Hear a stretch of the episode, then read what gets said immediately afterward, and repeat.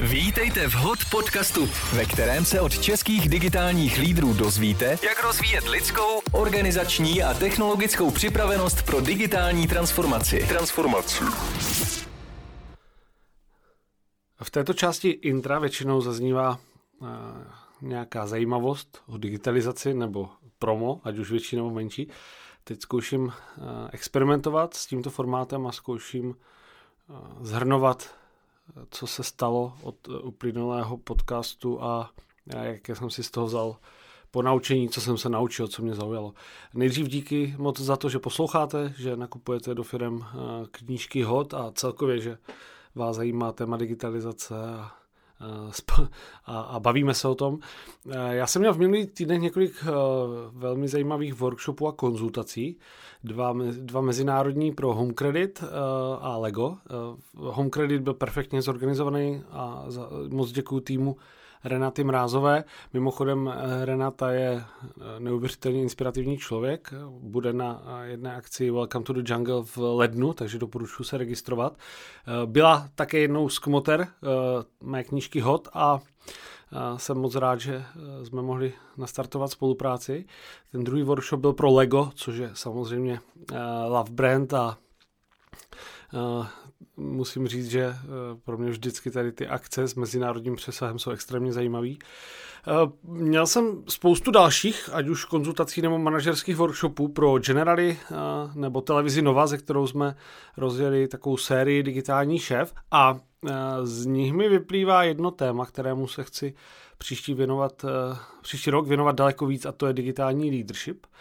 Eh, osobně si myslím, že manažeři mají dnes extrémně těžkou roli a úlohu, protože eh, musí vykonávat, exekuovat strategii, musí zavádět nové nástroje, často s nimi sami mají problém, do toho musí pracovat se svými lidmi a nějak to kočírovat, takže eh, je to téma, které určitě bude naprosto klíčové pro následující roky. Chystám Digital Leadership Masterclass, která už je u mě na webu na dreamaka.com a další projekty. No a eh, to, co mě zaujalo z, oblasti technologií, tak je eh, téma, o kterém píšu v kapitole číslo 29 knížky, a to technologická partnerství.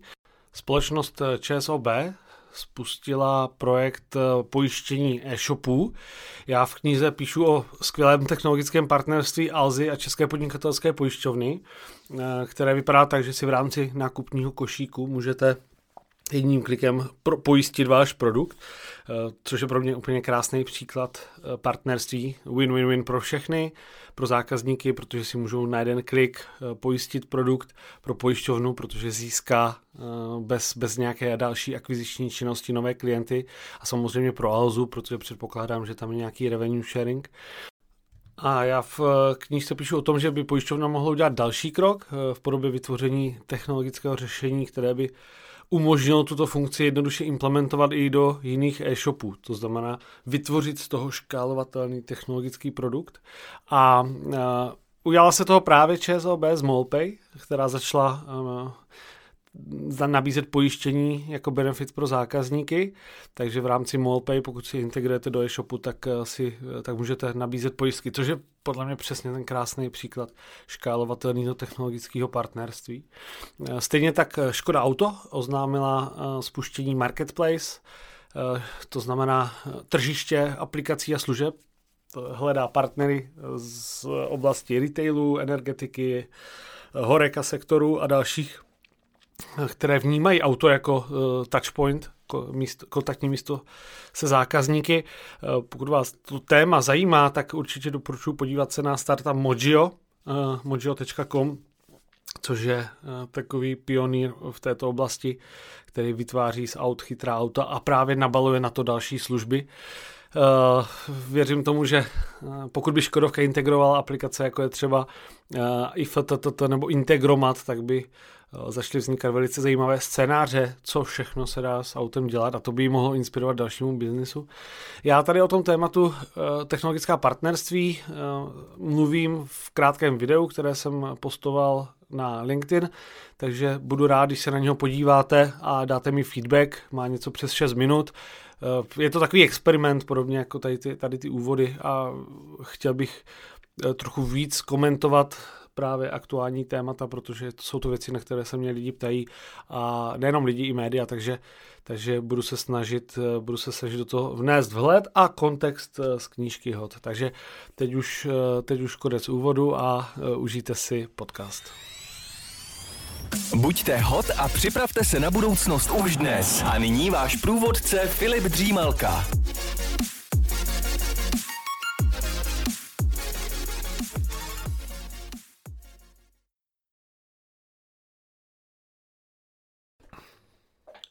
Dobrý den, vítám vás u nového dílu Hodcastu. Eh, tentokrát speciálního hned eh, ve dvou směrech. Za prvé je to poprvé, co se budu bavit s dvěma hosty najednou a za druhé eh, nejsme spolu ve studiu, ale sedíme několik tisíc kilometrů od sebe, takže i v tomto případě dokáží dnešní technologie pomoci. Moc se těším na tu diskuzi, protože jak znám oba dva hosty, tak věřím, že to bude záživné. Takže vítám ve studiu eh, Milana Šemeláka a Vítka Šuberta. Ahoj. Ahoj Filipe. Ahoj. Tak, pánové, eh, kdybyste se měli představit a nejdřív poprosím asi po jednom říct vaše životní příběhy a potom to spojíme tím, vlastně jak jste se dali dohromady a co, co dnes děláte společně. Tak já začnem. Môj životný príbeh, kariérny teda asi ťa zaujíma hlavne. Ja som pôvodom kreatívec, E, začal som kedysi písať texty, rádiové spoty, potom som sa presunul do tej väčšej kreatívy reklamnej, prešiel som si nejaké re- reklamky na Slovensku, v Čechách, medzinárodné, potom do stratégie, do konzultingu, do marketingu a vždy ma to vracalo naspäť tej, k tej kreatíve. Pôsobil som pár rokov aj vonku, v Londýne, e, v Singapúre, v takej veľkej e, nadnárodnej agentúre.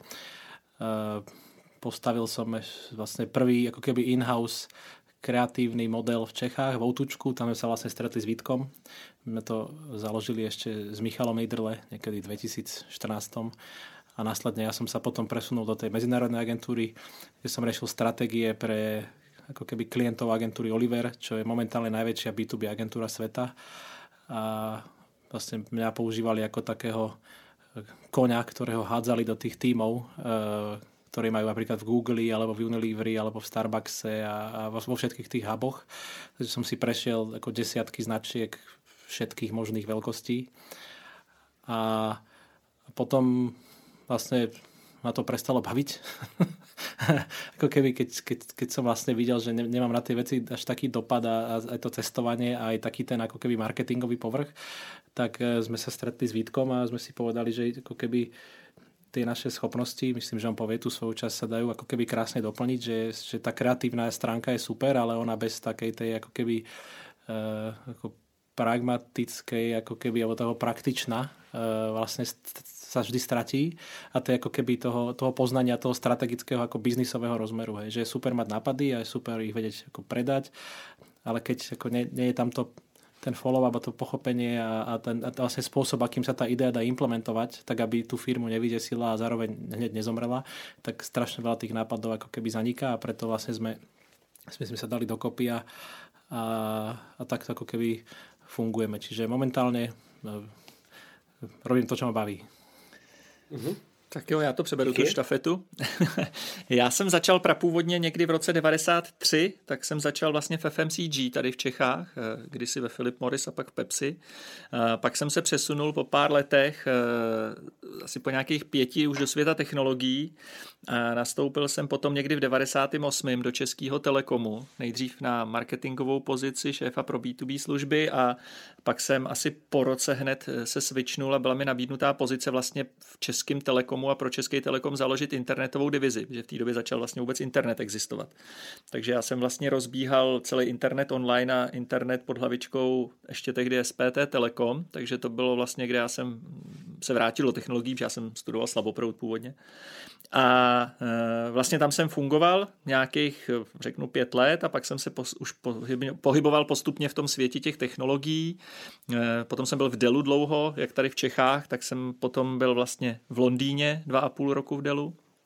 A Pak jsem se zase nějakou voklikou vrátil, vrátil do Čech, nebo vrátil jsem se napřímo, ale voklikou jsem se vrátil do původní firmy, což bývalý SPT Telekom mezi tím koupila telefonika španělská, takže jsem se vrátil tam, nastoupil jsem tam nejdřív jako vlastně šéf pro ICT služby a potom jsem vlastně postupně přebral ještě roli šéfa obchodu pro B2B a pak vlastně s příchodem PPF, když to koupila, tak jsem vlastně šéfoval celý tý B2B části Outůčka, což bylo v té době nějakých, já nevím, 1400 lidí a pár miliard v obratu.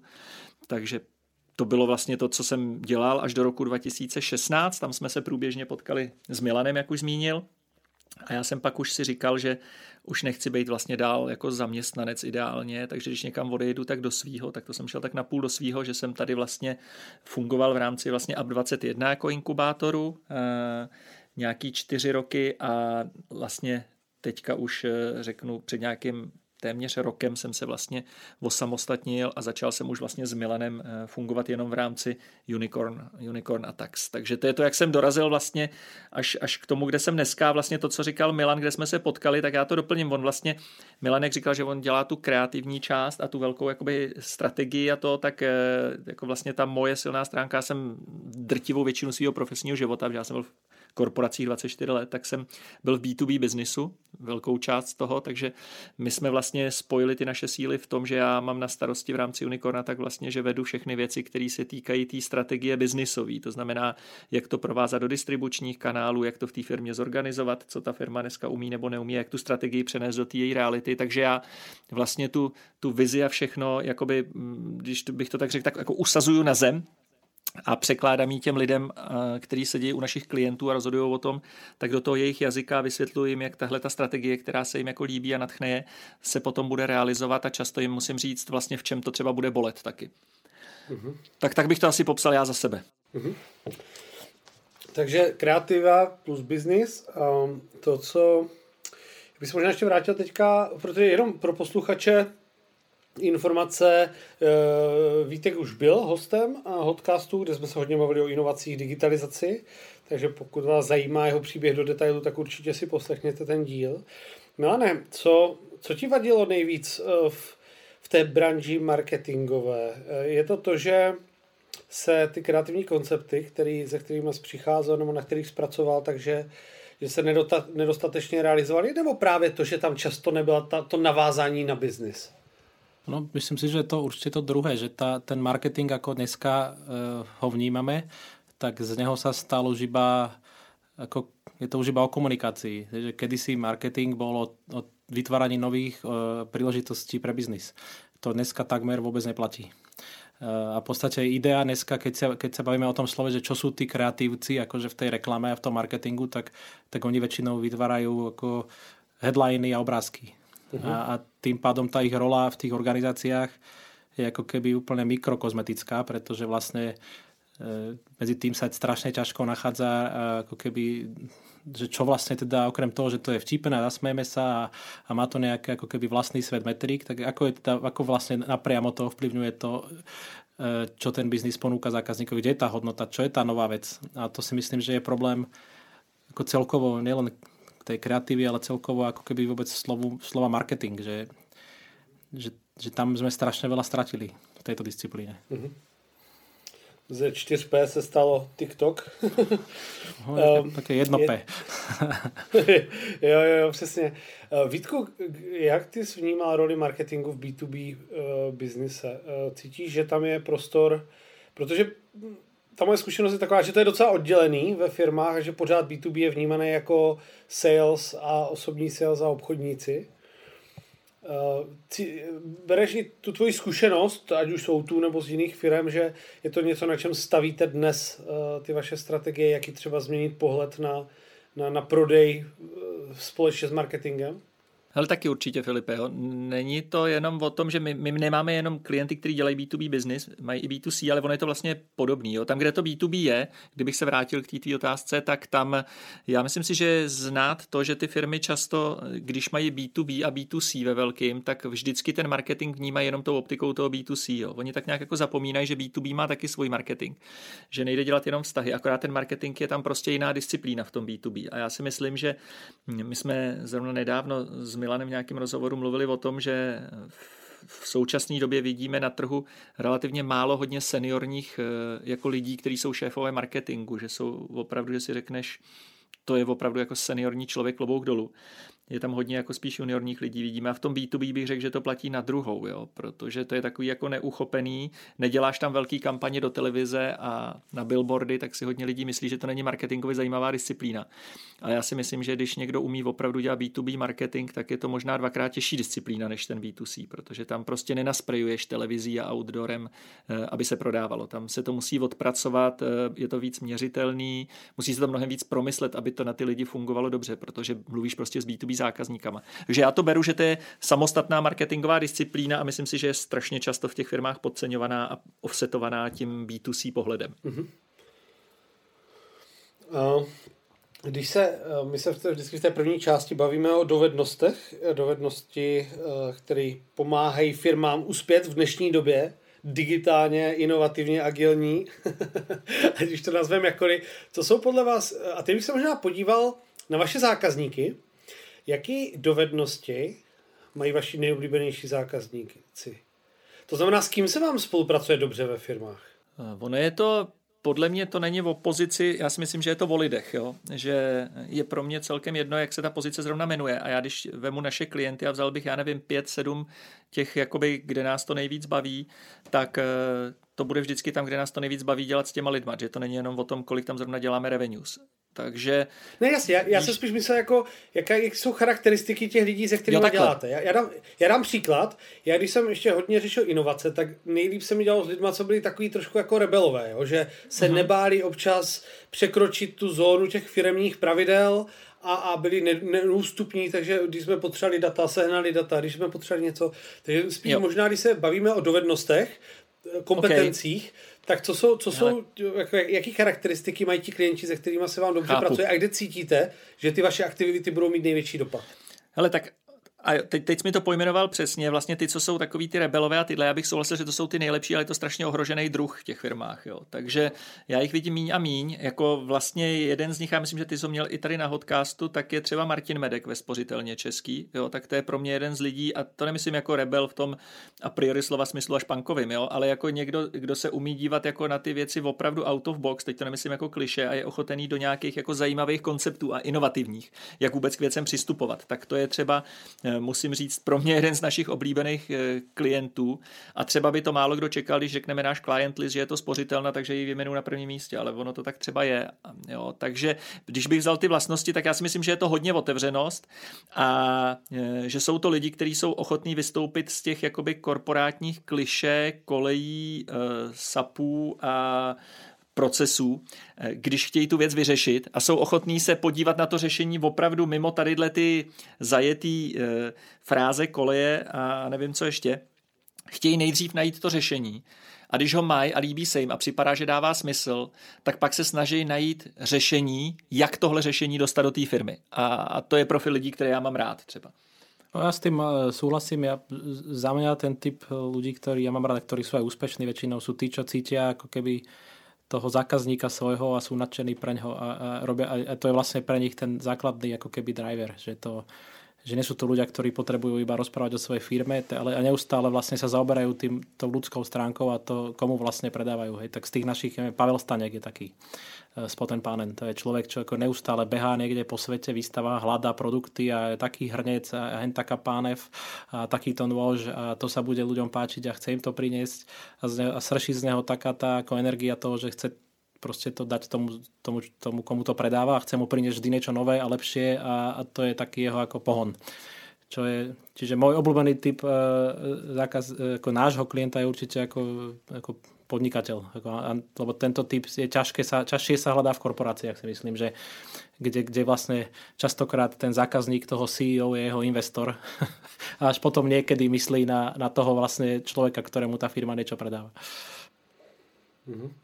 Já se tam schválně, protože je to je tak jako návod pro lidi, kteří chtějí najmout do svých týmů inovátory, takže tam to platí stejně a já myslím, že ten intrapreneurship, to podnikatelské myšlení je vzácný, ale souhlasím s tím, že s těma lidma se nám nejlíp spolupracuje, protože je tam ten zájem, je tam ten zájem vlastně, že si vezmou za svoje úspěch toho projektu. Eh, jaký dovednosti třeba pomáhají vám osobně eh, v tom, v tom vašem biznisu? Tak já začnu mnou. My vlastně s Milanem, eh, to je zajímavé, že jako já jsem s x lidma dělal jakoby v tandemech a takhle i ve firmách i tak a nikdy jsem s nikým neměl jako lepší fit. Jako jo. A, a většinou to bylo, že my jsme do těch tandemů dospěli tím, že to byli nějaký jako kámoši a rozuměli jsme si celkově a pak jsme spolu třeba i dělali a u Milana to bylo vlastně opačně.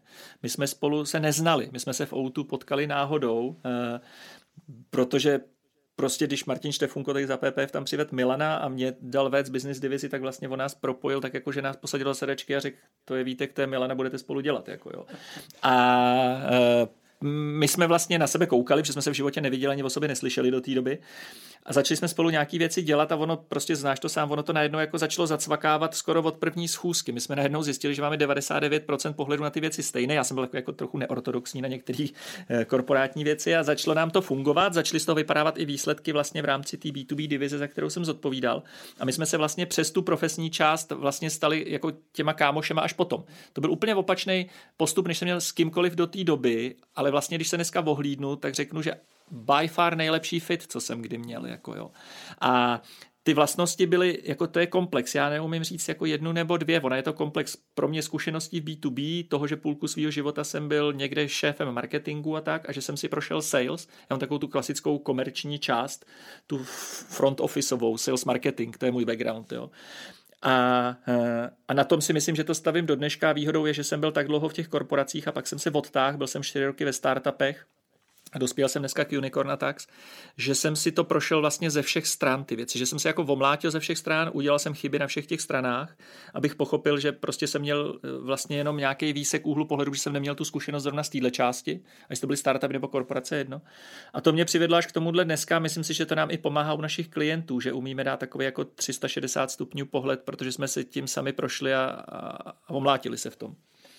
No ja, ja, ja na to nadviažem, z tej, ako keby z toho mojho zážitku, že ako keby je strašne málo, to nazvime, a možno e, to je vlastne aj u teba, ako tá prekážka tých inovatívnych ľudí, tých kreatívnych je, že na tej strane to, to, tých elitných manažérov, keď to tak mám nazvať v bordoch, tak je strašne málo ako lídrov, ktorí naozaj cítia a rozumejú tej kreativite. Ich to ako baví a majú to ako aj entertainment trochu, väčšinou z toho nič nie je. A to si myslím, že tam sme si aj s Vítkom sadli, že Vítek rozumie, ako cíti tú kreativitu a jej potrebu pre ten biznis, ale on zároveň aj vie ju ako použiť. Asi myslím, že to, to pre, mňa, pre človeka ako ja, mňa, ja som neviem, prešiel možno 300 značiek za svoju kariéru zatiaľ a, a je to strašne ako keby frustrujúce, keď ty dávaš tie nápady a vymýšľaš e, nové značky a inovácie a tak ďalej a a na druhej strane, alebo teda v tom boardroome máš ako keby ľudí, ktorí vidíš, že vlastne ako ich to baví, ale už vlastne tam vidíš, že sa z toho nič moc nestane, pretože a priori, a priori veľmi, veľa týchto firm je postavených tak, aby sa tam nič kreatívne stať nemohlo. To ako už z princípu. a potom a tam potrebuješ ako keby ľudí, ktorí sú dostatočne vysoko a majú pochopenie, e, že ak túto ideu chceme spraviť, tak ako nemôžeme nasadiť na kreatívca ako 6 levelov procurementu.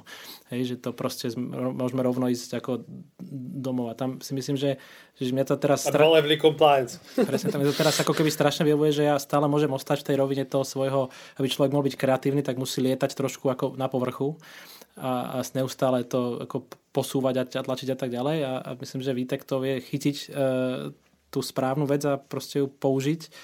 A to neznamená, že vždy sa použije všetko, ono veľmi málo kedy sa použije všetko, ale že vieme tam trafiť to, čo je zaujímavé, ale ešte to bude aj fungovať. A to je, ako si myslím, že veľmi vzácnej, e, tá kombinácia je veľmi vzácná. No, možná poslední otázka tady v souvislosti s tímto tématem. Dá se dá se nějak naučit kreativita, nebo respektive jinak.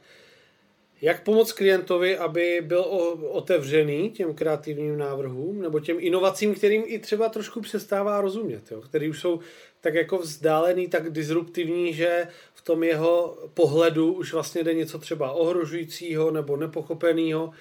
Jak vy prodáváte myšlenky, které jsou tak inovativní, že už překračují mezi inovativnosti klienta? No my, my vlastně, my jsme se o tom s Milanem i xkrát bavili, často v letadlech, když jsme jezdili za klientama někam do ciziny. A ono vlastně nám funguje furt ten samý model, jsme zjistili. My tam musíme být oba u toho, když s tím klientem o takovýhle jako hodně inovativní nebo disruptivní věci mluvíme, eh, protože my potřebujeme, aby Milan ho natchnul, když to tak řeknu, a já, abych mu vysvětlil, že je to realizovatelný, že je to usaditelný do té firmy a jakým způsobem, protože jsem vlastně v tom jeho křesle 20 let seděl jo, a vím, co to znamená to do té firmy dostat a jak se to dělá, aby to zase nenarušilo nějakou kulturu a to fungování v té firmě, protože když to bude moc disruptivní a inovativní, tak buď je to vyděsí, anebo to udělají, ale vlastně to neudělají dobře, protože v té firmě to bude narážet jak eh, takový ten pinballový míček v té hře jo, do těch stěn a bude to různě odrážet. Takže já si myslím, že tam je vždycky strašně důležitý, aby jsme toho klienta přesvědčili, aby jsme u toho byli oba dva a on dostal ty úhly pohledu v oba. I ten kreativní, i potom ten jako realizační. Jo. A... No a vlastně to je ta, celá ta, na tom vznikol vlastně ten, celá ta filozofia Unicorna, takže vlastně to, to disruptívne a kreatívne bez tej praktičnosti je ako čiastočne šialené, že tí, tí klienti sa toho vydesia, keď tam nie je tá, ako tá, tá druhá noha. Na druhú stranu, keď je tam tá druhá noha a nie sú tam tie nápady a tie posuny a tie ako nové veci, tak často proste to je nuda. Jo? A, a aj keď ako biznisovo úspešná, tá, ale tá kombinácia je, e, si myslím, že to je ono, že, že schopnosť ako keby tlačiť dopredu a neustále rýpať do nových vecí, ale zároveň hneď ukludňovať tých, e, tých klientov, že aha, ale toto by ste mohli k tomuto produktu a takto by to mohlo fungovať a tu máte takýto tým na to, tak myslím, že to je ako keby vlastne ten hlavný dôvod, prečo e, nám sa začalo dariť, lebo, lebo väčšina tých inovačných firiem ako keby, alebo kreatívnych robí iba jednu z týchto častí, nie, nie obidve. My vlastně proto, i když jsme měli říct, co, co je Unicorn, tak s jednou větou, my jsme si s tím hrozně dlouho lámali hlavu, jak to vyjádřit. Teď jsem se chtěl zeptat. Teď jsem se chtěl zeptat. tak eh, my jsme s Milanem sami na to měli hrozně diskuzí a ten odpadkový koš těch nápadů na tu jednu větu byl strašně velký. A nakonec jsme dospěli k jedné větě, kterou my jsme říkali Practical Disruption Company. Jo, a říkáme to dodnes. A to vlastně vyjadřuje u nás tu kombinaci té disrupce, ale zároveň té praktičnosti, jak to udělat, aby to nebyla taková ta disrupce na efekt a za každou cenu. Jo? Aby to prostě fungovalo, aby tam bylo pořád to, co Milan zmiňoval na začátku, a to je ta hodnota pro zákazníka, protože všechno to, co děláme, by mělo být, ono to může vypadat super cool, super zábavný, super inovativní, ale pokud to nepřinese tomu zákazníkovi toho našeho klienta hodnotu, tak je to vlastně úplně k ničemu a ten nápad je špatný a měl skončit v tom koši. Mm-hmm. Mm, to je hezký. Practical Disruption Company. A uh, s čím tedy firmám pomáháte? Konkrétně. Tak je to, je to rôzne, ale nadviažem na to, čo, čo ako keby hovoril Vítek. Uh, vlastne po tých rokoch a s tými, s tými značkami sme vlastne došli na to, myslím si, že každý z trochu inej strany a teraz budem hovoriť z optiky toho marketingu, ale aj tých inovácií že tým firmám to vždycky uletí do, do niečoho, čo sa netočí okolo toho zákazníka. Čiže my na úvod vždycky robíme s firmami také cvičenie, ktoré, ktoré sa volá Create Value. A to je, ako by som to nazval, veľmi e, primitívne, veľmi náročné cvičenie, také dva trojuholníky. E, a je to vlastne, je to vlastne e, hľadanie toho, čo je tá hodnota buď tej novej veci alebo starej pre zákazníka v jeho reči a z jeho pohľadu. A my tým začíname ako keby takmer každú spoluprácu. Niekto povie, že chce spustiť nejaký produkt, alebo že chce repozicionovať značku, alebo že má úžasnú inováciu. A my si tam sadneme a pýtame sa ho, uh, fajn, a čo mám z toho ja, ako ten zákazník. A odpovedzte mi ako v mojej reči. A dostávame sa do veľmi zaujímavých, ako až vtipných eh, debát niekedy, kde tie firmy na to nie sú schopné odpovedať. Hej, že, lebo oni sú naučení hovoriť o sebe, sú naučení hovoriť všetky tie inovačno-marketingové slovíčka, akí sú najlepší, najkrajší, najrýchlejší, s najlepším algoritmom. A my vlastne začíname tú, tú tu ten jednoduchú, prehodíme tú optiku do toho, odpovedzte nám v, e, v prvej osobe jednotného čísla, ja zákazník si toto kúpim od vás, pretože mi to dá čo? A to je, a tým, a to je vlastne náš taký ako keby uh, signature move, že my vlastne s týmto vždy začíname a odtade odtade sa to nejak vždy vykopne, pretože ako stanú sa zaujímavé veci. Začne sa zrazu strašne sústredovať na toho zákazníka. Ono to fakt znie strašne ako až blbo, jednoducho, hej, ale, nie, ale, ale vlastne to, to nie je. A, a zároveň sa ešte zladí ten ako keby týmu toho klienta. My to vidíme často, že, že keď sa opýtaš na borde nejakej korporácie, čo vlastne vytvárate pre tých ľudí, tak, e, tak oni vám každý pomaly povedia niečo úplne iné. Tady vlastně já doplním Milana, že ten workshop, o kterém on mluví, s tím Create Value, kterým opravdu všude začínáme, tak eh, z klientů, který máme nebo jsme historicky měli, tak si trochu říct, že 30% z nich, když jsme začali tímhle, oni nám dali nějaký zadání, co od nás čekají, a my jsme vždycky to vykopli tímhle workshopem, který je zhruba na tři hodinky, no, takže nic jako šíleného pro toho klienta. A vždycky to děláme s nějakýma lidma, buď na úrovni boardu nebo CXOs, aby to byly fakt lidi, co rozhodují. Tak oni často uh, po tom workshopu přijdou, nebo 30% z nich to udělalo, a to zadání změnili. To, proč si nás do té firmy pozvali. Oni na tom vlastně pochopili, že ten problém leží jinde, než si mysleli. Eh, a tohle je k tomu navede. Jo. A nejvíc asi to, co říkal Milan, ona nejvíc náročná je na tom ta primitivnost toho, že ono to zní strašně primitivně a jednoduše. Ale je to vlastně ve skutečnosti strašně náročný vykutat a vybrousit z toho tu jednu větu z pohledu toho zákazníka. Jo. Takže e, proto možná pak i to zadání vypadá jinak, protože ty lidi si během toho procesu myšlenkového ty věci uvědomějí. A to, to nám třeba se strašně osvědčilo. Mm-hmm. Takže jo, jo, to, to, to docela chápu a je to dobré cvičení. Eh, neškodí, když si to člověk udělá i trošku třeba u svých služeb nebo u toho, co vlastně jako eh, nabízí klientům, buď sám nebo jeho firma, ať už je na jakékoliv úrovni. My to děláme um, i sami na tady... sobě mimochodem, i na své firmě, jo? že si takhle jo, sedneme jednou za půl, za tři čtvrtě roku a děláme to no. i sami pro sebe. Jo? To je super, to je dobrý, to je hodně dobrý. Um, to znamená, kde, kde vy vidíte, když se podíváte ať už na strukturu těch poptávek, který dostáváte, těch originálních či modifikovaných, nebo tam, kde vidíte dneska největší problémy, respektive příležitosti, které právě firmy mají, na co by se měly zaměřit. Ono je to trošku to, co vlastně děláte, ale kdybyste to měli vlastně otočit a, a říct, kde vy vidíte největší potenciál a co byste radili firmám, na co by se měli zaměřit, tak co by to bylo? Eh, já si myslím, že jeden z největších problémů, který ty firmy mají a relativně nezáleží na oboru, je ten, že ten trh se posledních pět let, řeknu, strašně zrychlil a strašně mění. Ty to víš, protože je to i tvůj biznis, jako jo. Takže to, co ty děláš jako za sebe, jako Filip a tvoje firma, tak vlastně jste v té samé branži, byť každý dělá něco jiného. Ale víš, jak se to strašně zrychlilo. Jo, a jak ty technologie eh, jakoby urychlily a akcelerovaly všechny ty změny. A nejenom změny v těch firmách, jak eh, obsluhují věci, ale oni změnili i pohled zákazníků, že chtějí ty produkty rychleji, rozumitelněji, jednodušeji a tak dále. Takže všechno zrychlilo kolem nás. A my vidíme, že ty firmy se v tom začínají ztrácet a přestávají se orientovat v těch trendech, v těch technologiích, v tom, jak s tím naložit. A často čím větší firma od středních vejš, tím a, a díl na trhu tím víc s tím bojuje, protože nebyla zvyklá na takhle rychlou inovaci a na tu disrupci toho trhu, že se objevuje spoustu konkurence a tak. A my vidíme, že to je vlastně dneska skoro největší bolest a potřeba, aby jim někdo pomohl se v tom zorientovat a nasměroval je a řekl jim, co vlastně má být ta inovace, protože ty si můžeš vymyslet, že inovace je cokoliv, ale aby ta inovace měla nějaký smysl a na konci dne pozitivní dopad pro toho jejich zákazníka, protože proto by to měli dělat. Pokud dělají inovaci sami pro sebe, aby se cítili líp, tak by je ani dělat neměli. A pokud jakoby dospějou k tomu, že eh, na to přišli, nebo že přišli na to, že mají tu potřebu a že si s tím nevědí rady, tak to je vlastně pro nás ten ideální zákazník, protože on sám chápe, že tu změnu musí udělat a sám si nahlas přiznal, že vlastně neví jak. Takhle my jsme třeba před dvěma lety začali s Poten Panen. Za náma přišel Pavel a Miloš Staňkové a říkali, hele kluci, my jsme říkali, co bys, jak vám můžeme pomoct? A oni říkali, no, eh, my vlastně máme tu firmu 25 let a nám se daří, všechno běží dobře, ale my cítíme, že jsme jako na tom pomyslném vrcholu toho kopce a že vlastně potřebujeme něco změnit a potřebujeme se posunout dopředu. A my nevíme, co to je. A chtěli jsme zkusit s váma spolupráci, jestli byste nám nemohli najít a pomoct scénář toho, co je ten příští krok, kam bychom se jako firma měli pohnout.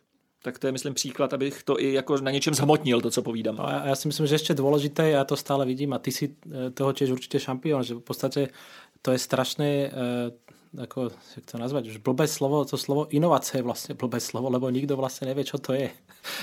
A my, my strávíme strašně veľa času, jako keby aj čo najjednoduchším vysvetľovaním toho, čo to znamená. Já jsem ja používam aj v prednáškach taký nejaký slide, kde sa pýtali, myslím, že cez Harvard Business Review, že vyšlo, že 92% CEO považuje inováciu za kriticky dôležitou a, a hneď po tým bolo, že 56% ju nevie definovať.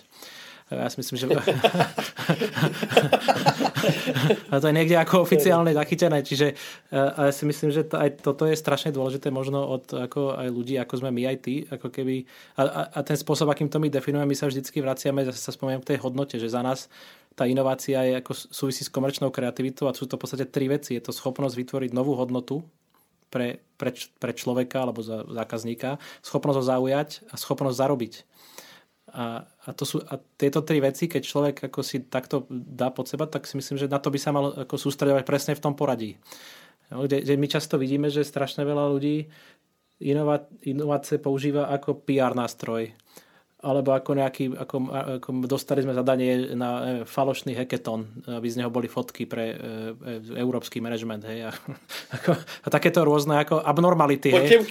Potemkino hackathon. Ale, alebo proste, aby proste s tým slovom inovácie bol niekto nafotený v novinách stále, potom strašne veľa firiem používa ako keby ako inováciu ako nejaký marketingový trik. Neviem, zobere e, obyčajnú hypotéku alebo tarif, k tomu pridá, ja neviem, e-book a komunikuje sa, že inovácie storočia. Hej, a teraz, čiže, čiže podľa mňa je obrovská misia iba vysvetľovať vlastne ako tým týmom a tým manažmentom, že čo to vlastne je. A, a to sa my snažíme robiť takisto potom e, v tých firmách aj u, u klientov. Mm-hmm. No a co, co, co můžou klienti udělat pro to, aby to, to změnili, aby se začali opravdu zabývat inovacemi, které mají dopady. Mimochodem mi se strašně líbí to, co říkal Milane, komerční kreativita, to je super. A, tak co by měly firmy začít dělat, kromě teda toho, že si můžou najmout vás? Co, by, co jim doporučujete? Já myslím, že se musí vrátit zpátky k tomu zákazníkovi, jo? Že, a on už to psal, myslím, kdysi Filip Kotler nebo někdo v těch knihách, co jsem čet před lety, že eh, prostě ve chvíli, kdy ta firma vyrábí věci eh, v úvozovkách, obrazně řečeno na sklad, a když je vyrobí, tak začne přemýšlet, jako komu by je prodala a jak tak eh, by se měli vrátit k tomu, co je ta podstata a to je ty věci jako vymýšlet tak, že vím, že ten zákazník to chce. Jo, já vím, že všichni jako hm, glorifikují vždycky Steva Jobse. A když čteš ten životopis a rozhovory s ním, tak on, že říkal, že eh, se nezabývá tím, co chce zákazník, že zákazník to neví, než on mu to ukáže.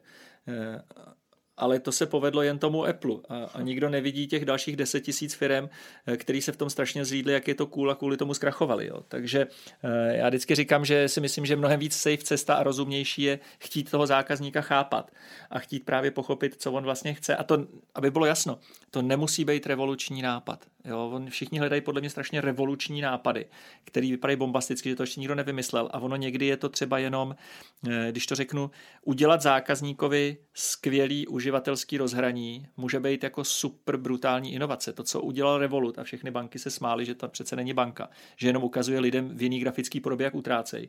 Ale oni se přestali za rok smát, když oni začali nabírat, já nevím, 4 miliony klientů měsíčně. A vlastně ty velké banky najednou začaly kopírovat to, co udělal ten Revolut. Jo. A pro mě třeba to, co udělal Revolut, tak je jenom, že pochopil, co chce ten zákazník a takhle mu to dodal. A proto to byla tak skvělá inovace na bankovním trhu.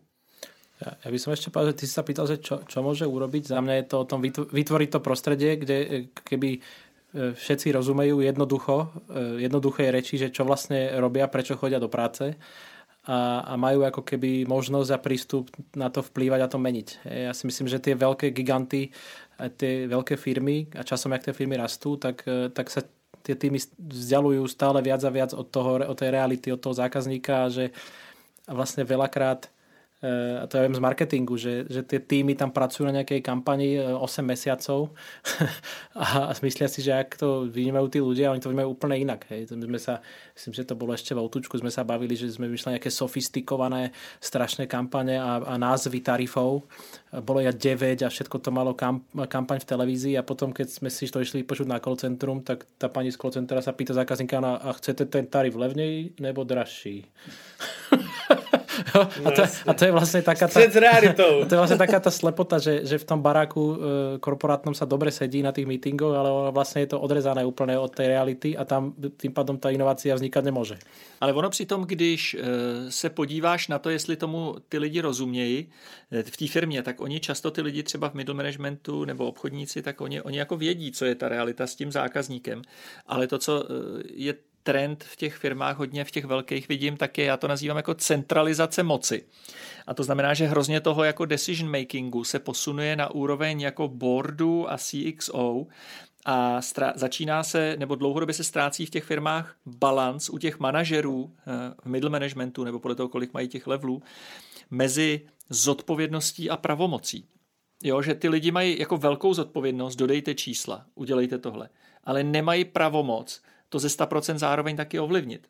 myslím ze 100% tý svý, eh, toho svého popisu práce, na který je tam přijímali. A já si myslím, že tohle, kdyby ty firmy trošku rozumně rebalancovaly a těm lidem vybalancovali tu zodpovědnost a pravomoc, tak nejen, že ty lidi namotivují a je to bude víc bavit dělat, ale myslím, že se víc vrátí k těm věcem, co je priorita pro ty zákazníky. Mm-hmm. Um, to, to, je, to je hodně dobrý, ta zodpovědnost versus pravomoc to, že s každou blbostí musím chodit a bojovat často nesmyslně, o, ať už o budget nebo o pozornost, to, to je asi případ všech firm. Je to, cítíte, že ten souča, ta současná vlna takzvaných agilních transformací tomu pomáhá? Tady s tím bojovat?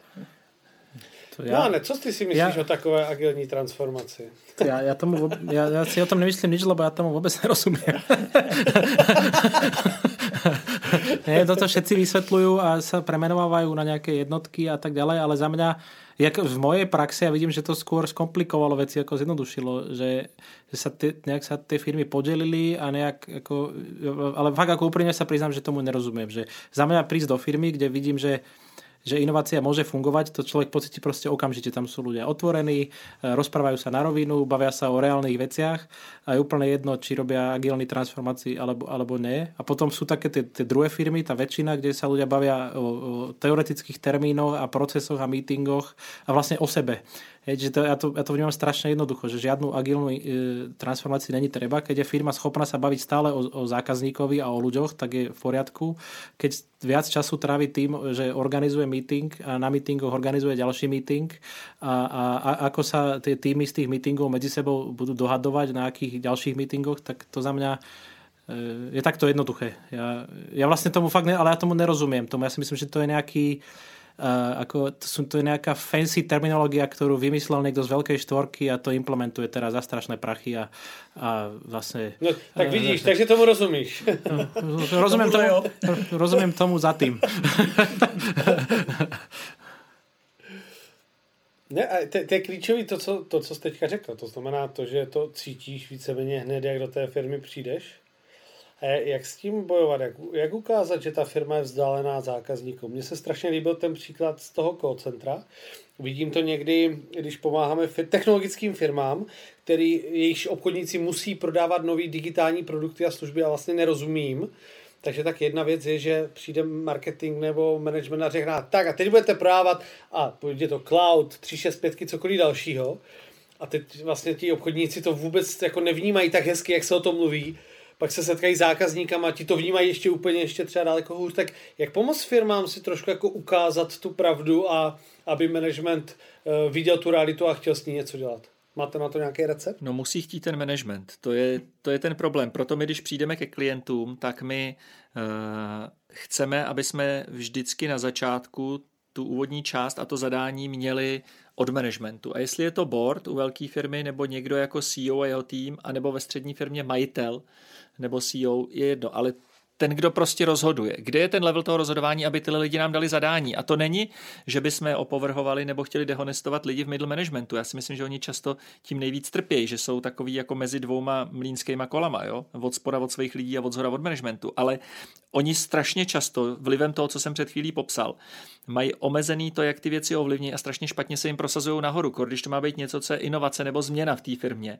tak oni často jako strašně narazí. A proto my potřebujeme mít tohle vyjasněný ze zhora, aby jsme, když to začne drhnout, mohli přijít zpátky do toho top managementu a říct, dobře, ty eh, Jirko X, seš tady jako stakeholder na tu inovaci, jak jsme si řekli, ty věci u vás ve firmě nefungují, drhne to tady a tady, něco s tím udělej jinak se nepohnete z místa. Jo, když to tohle řekneme tomu chudákovi v middle managementu, tak on v lepším případě dojde nahoru, uh, oni mu řeknou, že teď to není priorita, on tam dojde po druhý a oni mu řeknou, že si přijde po třetí, že ho to bude stát KPIčka. Uh, a nebo ten člověk na to časem prostě rezignuje, protože řekne, hele, já bych to strašně změnit chtěl, ale já v tom tady nenajdu dostatečnou podporu. Jo, a proto je potřeba, aby to chtění té změny a to pochopení, proč ta změna je důležitá, šlo opravdu jako top-down. Jo. Jako já nejsem zastáncem, že by se měla firma řídit top-down obecně, ale v tomhle případě to musí přijít top-down, že je to jediný způsob, jak to může v té firmě zafungovat. Já s tím souhlasím, je to a zároveň znova sa vrátim k tomu. Teraz firmy si vymýšľajú všelijaké fancy nové ako funkcie do, e, na tú inováciu, lebo to je, e, to je tá ľahšia cesta. Hej. Tak chceme byť inovatívna firma, no tak musíme si vymenovať Chief Innovation Officera alebo Chief Disruption Officera, to som bola ja napríklad. A, a, to, ale to, a to je vlastne úplne zbytočné, pretože myslím si, že tú rolu toho inovátora, toho prvého má plniť zrovna napríklad ten marketer. To je, ten, to je tá funkcia, e, ktorá má tvoriť trh, je to market. Eh, ale, ale z toho sa stalo niečo proste iba komunikačné, čiže napríklad strašne často sa hovorí, že sales bojuje s marketingom a ja si myslím, že to, čo vysvetľuje sales ako keby zákazníkov je na zodpovednosti marketéra. Marketér má byť schopný tomu salesu pomôcť, dať argumenty a má schopný mu dať ako náboje na to, aby, aby bol schopný to ďalej predávať. A si myslím, že toto úplne že, tam, že toto sa úplne rozdvojilo. A, a vlastne keby podľa mňa fungoval dobre ako marketing, ako v tej podstate, tak, tak možno, že by sme nemuseli tu hrať také obrovské to divadlo s tou inováciou, pretože ten marketing by robil tie inovácie. On ich aj vždy robil. Hej, ja neviem, tam, a v tých slávnych ako prípad, v tých failoch, hej, keď Coca-Colu niekto donútil zmeniť recept e, pred 30 rokmi, čo bol obrovský fail, obrovský risk, ale a bola to v podstate inovácia, bola. Hej, ako si mysleli, že prines, prinesú niečo nové zákazníkovi, tak to, to neprinesli, ale, ale bol tam nejaký človek, ktorý chcel experimentovať a bol schopný nadchnúť proste ten zvyšok tej firmy, obrovskej firmy, aby do toho šla. A ja, ja napríklad nevidím dneska takého markeťaka, ktorý bol schopný nadchnúť CEO, CFO, ale poďme skúsiť takýto produkt spraviť. Kde sú? Hej? Ono vlastně ještě v té definici, co říkal Milan, vztah toho salesu a marketingu, já když jsem byl v Delu v Londýně, tak můj šéf, což byl evropský šéf, tak jednou mi dával dobrý přirovnání, když jsme se bavili, že já jsem dělal marketing asi pro 11 zemí a produkty a bavili jsme se o komunikaci se salesem a on říkal, hele, já to vnímám tak, že sales a marketing je jako tým, jako posádka v rally a marketing je ten, kdo sedí jako spolujezdec, má ty papíry a říká ti, teďka pojedeš 80 km rychlostí, pak zařadíš dvojku a ostře doprava tolik stupňů. A ten sales má v tebe důvěru, že to máš vymyšlený správně, víš, že se tam nezabiješ a přesně takhle to ten řidič udělá a odřídí a za tím horizontem ostře zatočí na slepo doprava. A on říkal, a takhle by pro mě měl fungovat marketing a sales. Sales je ten, kdo řídí ten volant a šlape na plyn a marketing je ten, kdo ho naviguje. A mně to přijde úplně nejlepší přirovnání, co jsem slyšel. Což by ale fungovalo jenom v momentě, kdy ten marketing není odtržený od toho klienta, protože ano. on sice dá náboje obchodníkům, ale pokud ty náboje jsou mimo, tak to je ten rozpor, kdy si obchodníci říkají, no jasně, tak marketing si tam zase něco vymyslel, ale my, my vlastně jsme v té realitě každodenní. Přesně no, tak. Já, já ono si... totiž, Filipe, já to ještě doplním. Já si myslím, že co je velký neštěstí eh, velkých firm, eh, některých, že eh, si zakládají, protože si myslí, že ten problém vyřeší tím, že si založí oddělení strategie. Jo. Eh, mně třeba vůbec není jasný, často k čemu je oddělení strategie, protože pro mě pokud potřebuješ oddělení strategie, abys měl strategii, tak ti nefunguje marketing. Protože přece marketing je primárně disciplína, která by měla určovat strategii firmy. A pokud máš oddělení strategie, tak co teda dělá ve skutečnosti marketing a co mu dáváš za úkol jako CEO? Když říkáš strategii, tady řeší Chief Strategy Officer a ty, milý šéfe marketingu, děláš co? Vyrobíš hezkou reklamu, nebo řešíš nový CRM systém, nebo zrovna jaký budou e-maily na zákazníky, protože hrozně degraduješ tu roli toho marketingu v tu chvíli. A pokud zakládáš eh, oddělení strategie, protože máš pocit, že to marketing nedodává, tak vyměň šéfa marketingu, aby ti to dodávalo to oddělení. A pokud máš funkční marketing a založíš oddělení strategie, eh, tak ti ten dobrý šéf marketingu odejde protože on chce mít vliv na tu strategii jako marketing, že cítí, že to je nedílná součást marketingu. Takže to je takový moje oblíbený dilema ve velkých firmách. Když vidím velký oddělení marketingu a k tomu oddělení strategie, tak vždycky moje první otázka je, eh, kdo, z vás, kdo vám tady ve firmě nefunguje, marketing nebo strategie, protože v obojí nemůžou dělat strategii. Uh-huh. Ono na tom ještě vtipné, že například na těchto meetingoch o inovacích ty marketári a CMOs vůbec nejsou pozvaní. Čo mne pri... Nejsou. Já čo, jsem teďka nad tím přemýšlel zrovna. Čo mne pri... No lebo oni, si, oni ich tam pozvú, až keď už niečo je hotové a povedia mu a, a teraz to dá na billboard. A to, a to je ako, podľa mňa ako fatálne nepochopenie toho celého ako procesu, pretože ten marketing to má spolu, minimálne spolu vytvoriť, ak nie, ak nie prístou iniciatívou, že poďme to robiť. A to, a to si myslím, že to keby fungovalo, tak my vlastne sa nemusíme môcť baviť o inováciách ako takých, lebo oni automaticky fungovať budú. Pro mě, jako musím přiznat, že uh, po dlouhé době tady ten rozhovor je pro mě jako něco, co mi otevřelo oči, protože je pravda, že teď, jak jste o tom mluvili, tak jsem si uvědomil, že opravdu lidi z marketingu se neúčastní těch našich diskuzí o inovacích. A my se bavíme o digitálních produktech, digitálních službách, které ta firma bude dělat a tam marketing nebývá vůbec. Ale je tam určitě, a... Eh, ale máš tam určitě, jako že tam jsou CTO a CFO, že jo? Jasně, jasně. no. no.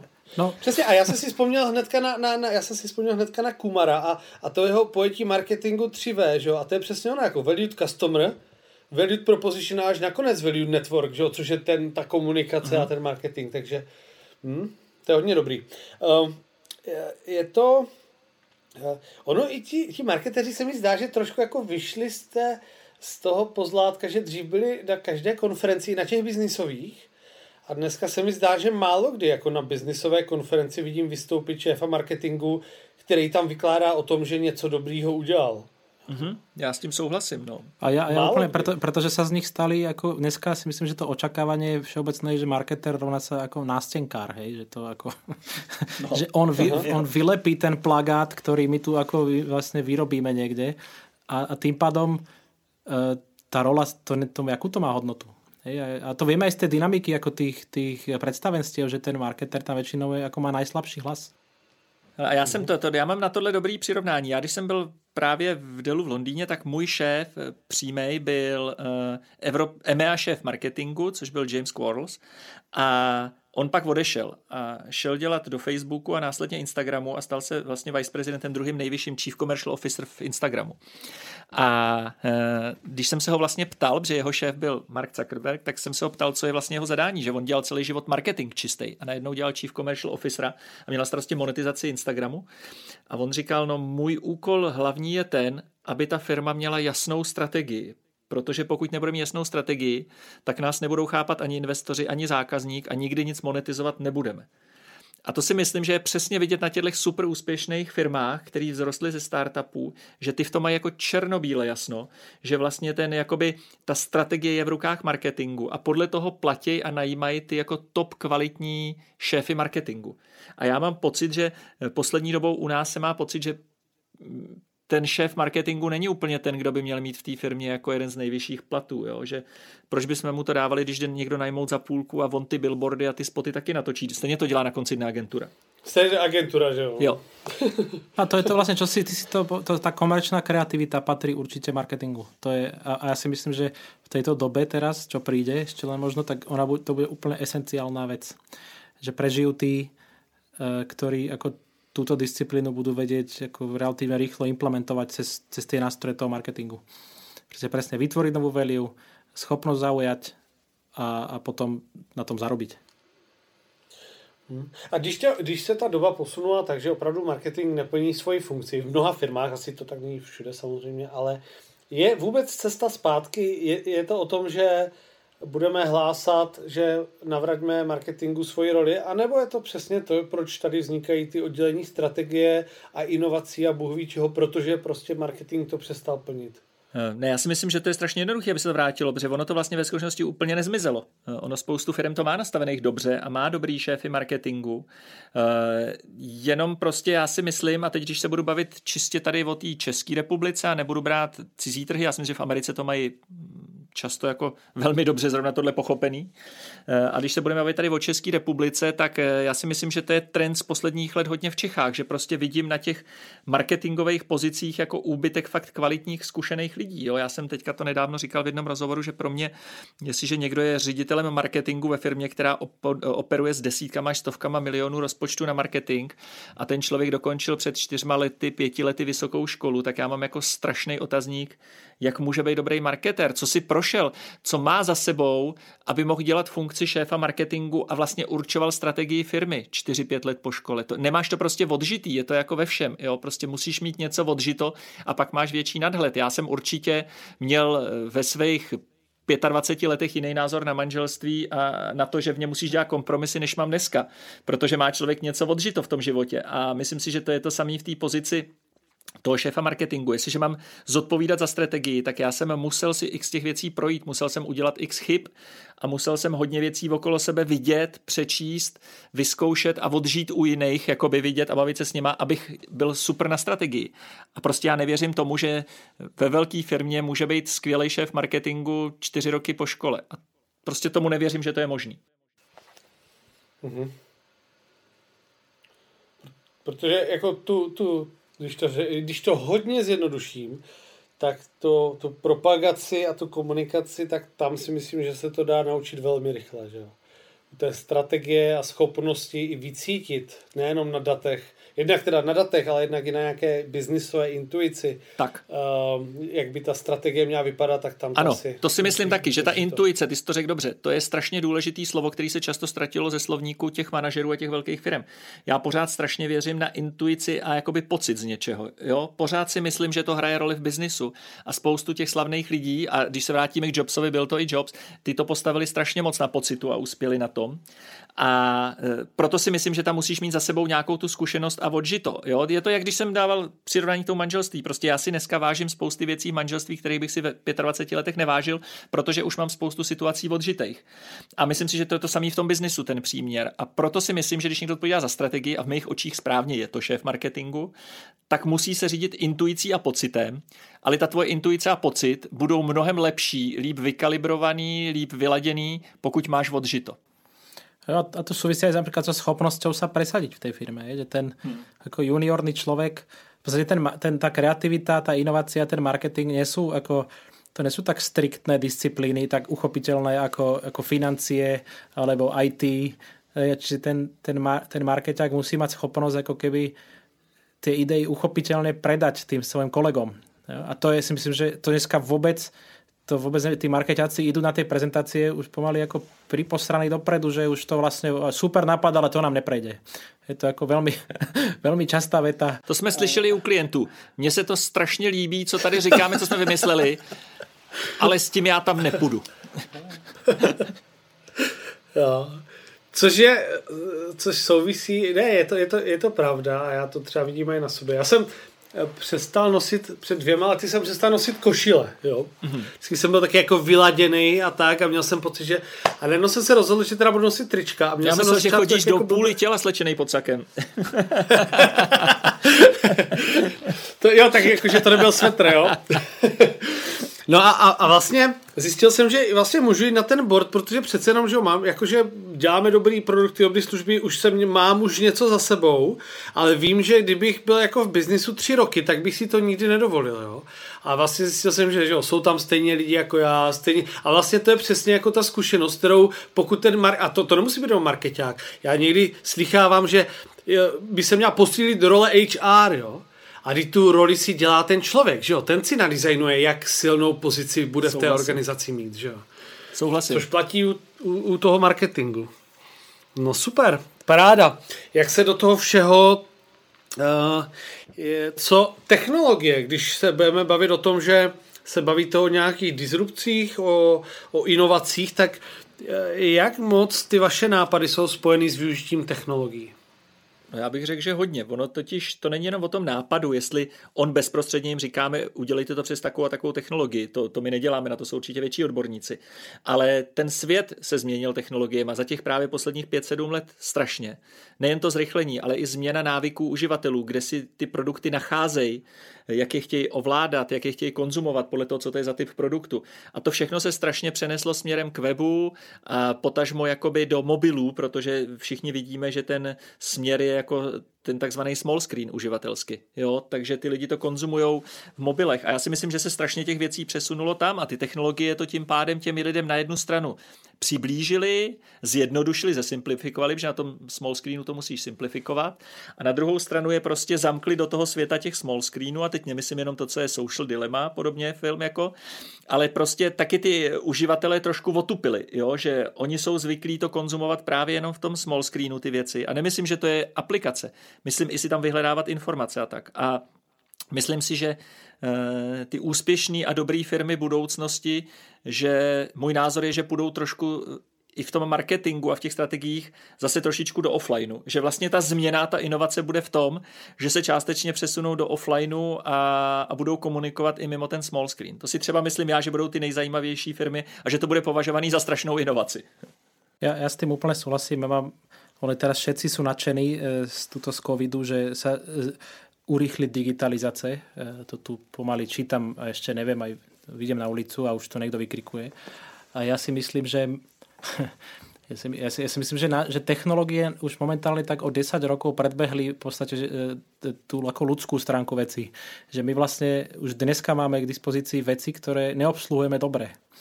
To sa pozriem znova do toho marketingu, tak je super, že vieme rozosielať ako carpet bombingov, robiť e-mailing a každý vie okamžite poslať čokoľvek, ale tá kvalita toho je to je na basu. Je akože to je zle napísané, je to proste e, škaredé, je to necitlivé. Proste my, ja si myslím, že úplne súhlasím s Vítkom, ja si úplne myslím, že ten, že ten termín mal byť trošku ako, ako humanizace e, tých, toho, čo používame.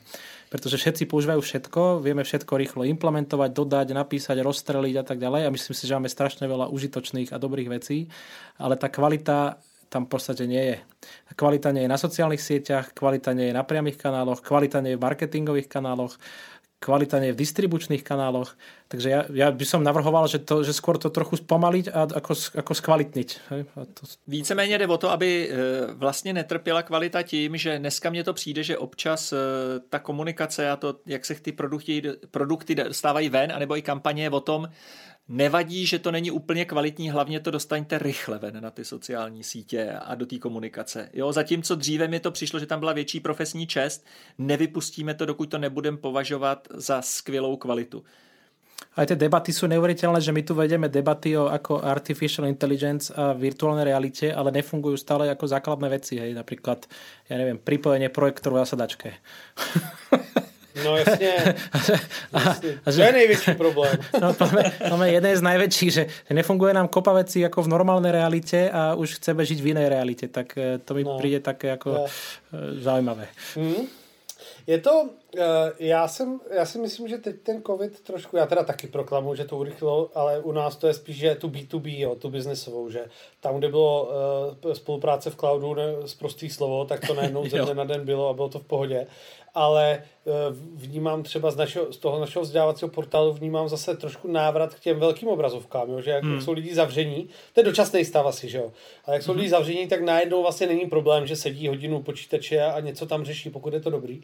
A uh, takže to vnímám a docela zajímavý pohled mi ukázala Klára Černá z ČSOB, která posílala fotku z nějaké konference a tam taky člověk mluvil o rychlosti, jak, jak se věci mění a on to otočil a říkal, ale už nikdy to nebude tak pomalý jako dneska.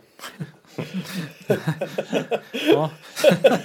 jo, což teda se máme na co těšit a já to vnímám i v té digitalizaci stejně, že, že to strašně vzrůstají nároky na tu rychlost a kvantitu, že já jsem eh, začal být teď nedávno aktivní na Instagramu a ptám se vždycky dceři, jo, jak se tam co dělá, vždycky mi tam vadí to stories a tak. A teď já když vidím ty, ty, ty kvanty, jako to, co tam lidi dávají, jak to je hmm. strašně časově náročný, tak vlastně mě to úplně jako odstrašuje, že bych musel fakt každý den tam jako jet a 20krát tam jít a něco udělat. Ale vlastně bez toho už tam jako vlastně člověk není vidět. A teď si vím, jak je to časově často náročný, to, co tam vidíš, a jak je to vlastně úplně k ničemu, když to vidíš. A to Kolik vlastně... muselo dát práce to připravit v takovýhle vizualizaci, takovýhlema filtrama. Eh, ten člověk to má hrozně dobrý pocit, jak to vypadá cool a ty to vidíš a říkáš si, že je to úplně k ničemu, že vůbec nechápeš, proč to tam dává. No, máme teraz takú jedna z tých tém, ktoré, ktorých ako prednášame, že, že je strašne lacné tvoriť hluk. Nik, nikdy to nebolo lacnejšie, ale, ale keď všetci tvoria hluk, tak ako nikoho nepočuť. Čiže, čiže to je vlastne, sa vrátim k tomu, že, že ta, my, tí najlepší sa budú musieť vrátiť v tej kvalite a nebude to podľa mňa iba o tom, kto je najrychlejší. Dneska sme všetci strašne rýchli, ale, ale asi, a, a mne takisto je, je super, že si vieme tuto robiť meetingy cez Zoom, ale tá kvalita tých meetingov, napríklad tých kreatívnych, to je neporovnateľné ako osobne a ako cez digitál, ako tá, tá práca s tou energiou tých ľudí a, a to nadchnutie tých ľudí, to proste je super, že to je rýchle a môže byť niekto na Malorke a niekto na Zanzibare a, a tak ďalej, ale to prostě, ta kvalita je minimálně o 50% nižší. Mně třeba napadlo teďka jedno přirovnání, jsme se o tom bavili o té inovaci, jak se tím nechají strhnout i ty velké úspěšné firmy. A teď mě to napadlo, jak jsi to říkal ty Filipe s těma stories pro mě jedna z nejvíc nesmyslných inovací, co jsem viděl v poslední době, tak je, že LinkedIn, který já beru za nejlepší sociální síť, zaved stories. Mně to přijde úplně mimo krok, nepochopitelný, proč si LinkedIn chce hrát na Instagram. Co má smysl mít stories na LinkedInu? Mně to přijde třeba strategicky a inovačně úplný šlápnutí mimo. A to beru LinkedIn za jednu stop firm předesílám. Jako. Jo, jo, v téhle oblasti. A přijde mi to úplně mimo. A to, to je přesně, a jako přitom, přitom jako je to vlastně, má tak obrovský potenciál stát se osobním CRMkem, stát se jako fakt mm-hmm. kvalitním nástrojem, kdy oni vlastně 10 let neinovovali zprávy na LinkedInu. Mm-hmm. Jo, a je, je to vlastně jako strašně moc klíčových věcí na podporu biznesu, zaměstnání a tak dále. Tam je úplně jako vzadu mm-hmm. a oni dávají stories jako, jako novou věc. Jo. A je to asi i o té prioritizaci, já, protože že jo, tak eh, LinkedIn je Microsoftu, Um, a já mám rád naše přátelé od Microsoftu, ale řeknu úplně upřímně, my máme biznis díky tomu, že ty produkty vypadají tak, jak vypadají. Jo? Kdyby byly jednoduchý, uživatelsky příjemný, fungovali vždycky, tak nemáme 70% biznisu v DigiSkills. A vždycky, když uh, jako tisíc našich uživatelů nám řekne, že by chtěl funkci A, a pak se představí nějaká minoritní funkce, která tam přidá někomu prostě něco ve videohovoru, něco, co je úplně jako marginálního. Avatar. Tak si člověk říká, jak, avatar, jaká je tam asi prioritizace v inovacích? Mm-hmm. No a to je ono vlastně. Takže jsme si aspoň dali pěkný příklad k tomu, jak třeba eh, se i velká firma zkušená nechá strhnout inovací úplně nesmyslně. Jo? To myslím, že to, to s tím LinkedInem je typický příklad. To já bych se A nebo teďka inovace Iconek, uh, Iconek G Suite. Jo, nebo tak, ano, souhlasím. Od, od, od té doby fakt nemůžu najít G, jako Gmail na, na, na liště. jo. že znova by som to nenazýval inovací. ano, ano, správně. No tak oni to tak trošku propagovali. Dobře. No jasně, to je ta... To... o tom to je... Dobře, když se ještě, já se ještě vrátím k technologiím, protože přece jenom je to... Uh, to bavíme se o digitalizaci. Co podle vás jsou technologie, které vnímáte, že firmám chybí. Jo. Ty, ty, a teď mhm. nemyslím, že by tomu jako, uh, buď k tomu, co děláte, anebo tam, kde vidíte příležitosti pro firmy, mm-hmm. ať už je to to, že co funguje u vašich zákazníků, nebo co vidíte, na co by se měly firmy zaměřit, vidíte nějaké příležitosti právě v oblasti digitalizace? Jo, já dám jednu, kterou se potkávám často, a to je, že mě pořád chybí na trhu uh, jednoduchý, srozumitelný a použitelný CRM.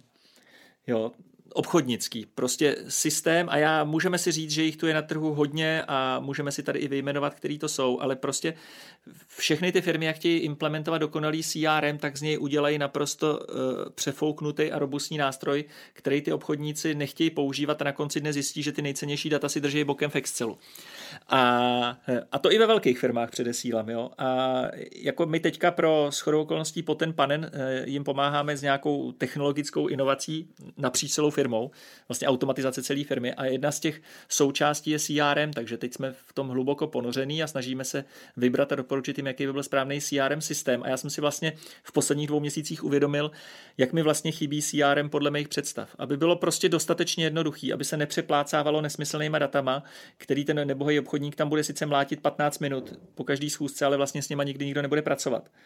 Jo, a to je třeba pro mě, ono to zní jako, že to není žádná zásadní inovace, pro mě by to byla brutální inovace, kdyby nějaký takový jednoduchý CRM, který má všechno ze schůzky vyplním na pár kliků v mobilu, když jsme na tom small screenu, tak by pro mě byla úplně super inovace a super technologie a ty firmy by z toho paradoxně strašně získaly. Protože ve chvíli, kdy ty obchodníci by to brali vážně, ty data tam sypaly, a ty si z toho uměl udělat správný datový výstupy, tak by to mělo strašnou hodnotu pro ten marketing v těch firmách, aby se správně nasměrovával. A řekni mi upřímně, a ty Filipe chodíš do firm stejně jako my, eh, v kolika firmách vidíš, že by marketing zodpovědně těžil data ze CRM a podle nich stavil strategii? Asi takových firm si tady moc nevyjmenujeme. Mm-hmm. Ale te, zrovna to CRM je docela dobrá oblast, to jsem rád, že jsi to zmínil. Uh, teďka v, u jednoho klienta v, začínáme vybírat uh, CRM a tam jsme si řekli, že Uh, ještě předtím vlastně budeme jako se podívat, podíváme na ty data, jo, jaký jsou teďka a budeme je čistit a vlastně my, když jsme zaváděli v DigiSkills CRM teďka přes léto, tak jsme, my jsme teda šli do HubSpotu, mm-hmm. do toho, do toho plného, ale fakt vlastně se tři měsíce ty, čistili ty data, které tam byly. Mm. A hmm. řekli jsme si i, že se jako zbavíme spousty dat, že takový ty jako lidi, co jsme měli v newsletterech, už to neotevřeli půl roku, nikdy na nic nezareagovali, tak jsme si řekli, jako, že půjdou pryč, poslední nabídka, nebo, nebo jestli chcou zůstat ve spojení, ale vlastně, že toho se firmy taky bolí, bojí, že vlastně ty data jsou hmm. špinavý, nekvalitní a právě to jako CRM je obchodu a marketing je často vedle. Hm? To je dobrý. No, za, eh, za mě já zase budem, nevím, jednoduchý.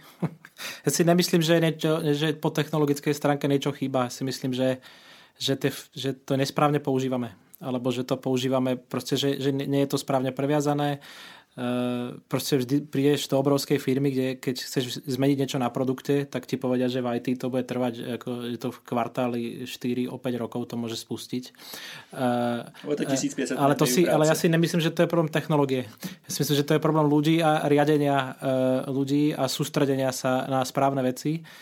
A, a tie na, na, naozaj šikovné firmy dokážu tie produkty iterovať, spúšťať rýchlo, vedia sa hrať. A to je jedno teraz, či to je ako brúdok, pivo, pivo kraftové, ktoré dokáže každý, každý týždeň vyplúť novú edíciu piva s novou príchuťou a s pozlatenou plechovkou a urobiť tomu fantastické, proste tam to funguje. Alebo to je, ja neviem, e, niekto, kto predáva tyčinky proteínové, e, alebo to je niekto, kto robí apky, ale to proste to, to, mne to chýba, mne chýba ta, ta, to, správný, jako, to správné zamerání těch, té lidské energie. Pro mě vlastně, kdybych to měl asi vzít jako úplně eh, z nadhledu, tak pro mě nejlepší technologie jsou ty, které u těch velkých firm jim dokážou zjednodušit tu komplexnost. Jo? Tak. A ty, který to dokážou, tak jsou pro mě nejlepší technologie. A to, co ale vidím, je, že spoustu těch nových technologií a, a, a nových aplikací a všeho, tak mi přijde, že stavějí to na tom, že tím, jak jsou noví, že je to lepší, komplexnější, rozsáhlejší. A já si myslím, že paradoxně nejlepší jsou ty, co by té firmě pomohly fungovat jednodušejc. To je nejlepší mhm. technologie v mých očích. No, jasně, jo která udělá tu práci za lidi. Ano. Že? Je to... A ty lidi budou dobrovolně používat, protože jim to usnadňuje a zjednodušuje práci. Ale mně přijde, že spoustu věcí, které se dneska v těch firmách implementují, tak ty lidi jsou úplně z toho vyřízený, protože jim to vlastně tu práci spíš jako komplikuje a žere jim to víc času. Místo, aby jim to ten čas ubíralo a oni měli čas se věnovat těm zákazníkům. Ta, ta technologie mala být sluha, a ne pán. Přesně. Mm-hmm.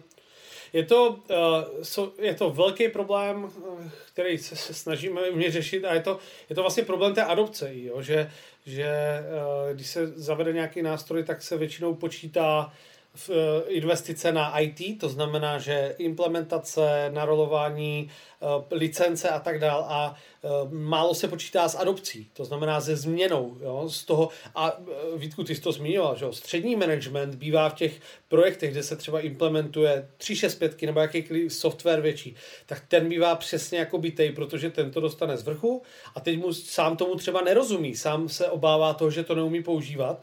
Takže mi třeba jako jedna z věcí, na kterou já jsem certifikovaný jako change management practitioner na ProSci a vidím jak, se, jak málo se firmy věnují právě změně. A ono je jasný, že na začátku, když se začne používat jakýkoliv tool, tak tam dojde k propadu produktivity. Mm-hmm. Dojde, tam, dojde tam k naštvanosti lidí. Jo? A to je jasný, že pokud se to neudělá dobře, tak u té naštvanosti zůstanou a nikdy ty tooly nebudou používat tak, jak kdyby se to udělalo správně. Jo? Mm. Takže super, že vlastně tady se úplně zhodujeme, že, že ty nástroje už často jsou a možná by i zjednodušovali práci, ale chce to věnovat čas a energii tomu, aby se to začalo používat správně. Já jsem ale zažil jednoho klienta, dám příklad, kdy se nasazoval Microsoft Dynamics zrovna. Jo? Takže eh, nějak jsme se o tom bavili, já jsem jim na to dával nějaký svůj pohled ze zkušeností ze salesu, pak jsme to vzali, šlo se s tím na jejich obchodníky eh, a jejich manažery, jako sales manažery. Ty si vydefinovali, co by od toho CRM čekali, co by tam chtěli mít blokově, protože to je opravdu takový skládací jak, eh, jak puzzle. Že jo? Takže to tam šlo docela pěkně, oni si to vydefinovali, Zhruba za tři čtvrtě roku se to naimplementovalo a teď ten sales byl celý v šoku, že je to úplně něco jiného, než oni si identifikovali, že chtějí. A když se šlo zpátky a řeklo se, hele, proč to vypadá jinak, než to chtěl ten sales pro to svý používání? A oni řekli, no ono pak se nakonec v IT řeklo, že tam ještě přidají tyhle ty funkce, že ty jsou super. A finance řekli, že tam chtějí tyhle funkce, protože je to lepší kvůli kontrolingu. Jenomže z toho se stal úplně jiný nástroj než CRM pro sales, ale přitom s tím se ten nástroj kupoval do té firmy. Ja som sa vždy bavil na tom, keď, keď tie týmy alebo firmy začali, ešte to bola taká éra nasadzovania tých sexy nástrojov ako Asana a, a, a oni, že sme si všetci mysleli, že si to nainštalujeme a že to je, sa všetko vyrieši a pôjde to samé. A ja som vlastne okrem jednej firmy, napríklad, a to bolo, ktorá, a to bolo STR výzrovna, ktoré, ktoré nasadilo napríklad na Slack tým, ktorý sa o to staral, normálne community team a jedine vtedy to fungovalo, keď celý ten, celá tá technológia bola riadená ľud, ľudskou energiou a, a bola proste manažovaná, záleklad a proste ešte tam bol aj bod, ale, ale tá technológia sama o sebe nič nedokáže. Za tým, za tým prostě musí být ten, ten člověk. Já jsem měl dneska kol s jedním mým klientem a a e, tam se jako dí, dí, řešíme CRM, výrobní systém, díváme se, jaký tooly používají a e, Asanu tam zmínil a říkal, no dneska jsem to prodloužil. A já říkám, jak prodloužil? No, že zaplatil asi 5000 dolarů jakože na další rok, tak se na to podíváme, jestli jako to budeme teda využívat. A já říkám, no tak, no dobře, tak jako máme na to rok, aby jsme to zjistili, jestli teda uh, to, to dává smysl nebo ne. Ale vlastně, když už to prodloužil a už to tam někdo používá, tak jsme si řekli, že fakt, jako teď tomu dáme tu energii a fakt to zkusíme využít na 100% mm-hmm. a buď to teda využijeme na 100%, anebo ať si to používají 3-4 lidi za svoje budgety a ne, že se to bude takhle nakupovat. No, ale zrovna dneska jsme se o tom bavili bavili. Hmm. Super. Uh, pánové, díky moc za diskuzi. Ještě možná bych to uh, uzavřel tím, jestli vy třeba máte nějakou technologii, apku, hardware, něco, co vás v poslední době zaujalo a chtěli byste to nás dílet, nebo cokoliv, jakýkoliv hack, tip, trik. Hmm. Já používám pořád stejný trik a hack, co jsem ti tady říkal, když jsem u tebe byl minule, což je možná rok, Eh, že si jako tásky v mobilu dávám podle geolokalizace, když přijedu do kanclu nebo domu. A pro, já to furt mám jako nejpoužívanější funkci asi z těch praktických. Jo. A to jsem začal dělat díky tobě. Jo, opravdu, jo. No tak to, to, to, je dobrý. to, to jsem rád. Tak to, to no. opravdu no. já používám, asi musím říct nejvíc těch technologických věcí, které mi přijdou fakt praktický a strašně jednoduchý. A jinak já si nemyslím, že jsem nějak za poslední rok jako objevil nějaký jako zázračně nový aplikace nebo něco. Je samozřejmě jsem si ji natáhl do mobilu. Ale takový ty, co bych jako opravdu prakticky v tom biznisu používal teďka navíc, tak asi nemyslím, že mě oslovilo něco nového a pořád jako z toho hardwareového pohledu říkám, že pro mě asi teďka jako nejlepší, nejlepší inovace za pár posledních let byly jako AirPody sluchátka, no, jako, že ty používám na ty koly a tak. jo. jo, jinak já jsem to začal díky tobě používat a Často to používám, když mám za úkol něco koupit a jdu z práce, takže to jsem si většinou vzpomněl, až když jsem zaparkoval před garáží. A teď jsem, je, no teď, no, asi před půl rokem jsem jel do Prahy a zapomněl jsem CCS na benzínce, takže jsem si tam dal přesně tu lokaci, až pojedu zpátky a budu někde u hlavy, ať mi to jako pípne, že nesmím zapomenout odbočit na tu benzínku. Jo. Tak jsem si za to, takže, takže díky za to. Jo, to je to, co jsem ti říkal. Tam jde jenom o, musíš mít tu no. sebedisciplínu, že když ta notifikace přijde a skočí tě na jak si ji musíš fakt přečíst. Uh, jo, jo, a mít jo. takovou tu sebedisciplínu, že víš, že jsi to nastavil, že to bylo důležitý. A ve chvíli, kdy tuhle rutinu jo. rozběhneš, tak myslím, že je to strašně praktický. Každý to má v mobilu a málo lidí to Aha. používá a možná ani neví, že to tam Aha. má jako funkci.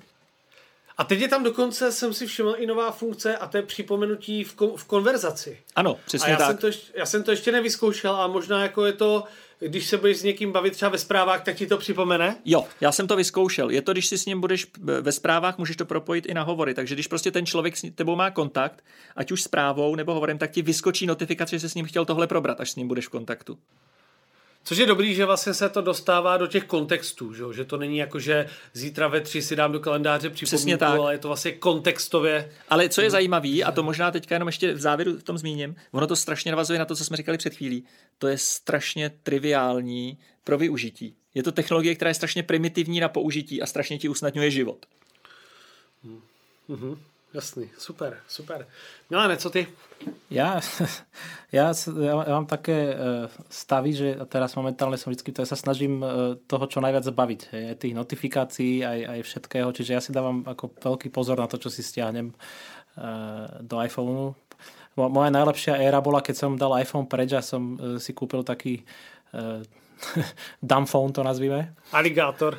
Ne, ne, je také, sú ako, to, to je zaujímavé, to je celkom ako slušný trh. Je švajčiarská firma dizajnová, ktorá sa volá Punkt a oni vymysle, vymysleli ako úplne famózne, e, nadizajnoval to e, Jasper Morrison, čo je jeden z najlepších dizajnerov produktových sveta a to je vyslovene ako krásny telefón s, s nádhernými zvukmi, ale vie iba písať SMS-ky, volať a vie ešte teda druhá generácia vie spraviť aj ako hotspot k, k notebooku tak, e, tak sa na to nejak odhodlávam a potom že si uvedomím, že v tom iPhone mám úplne všetko a vlastne neviem, čo, čo mám robiť. Tak nepoužíval to Milan dlouho.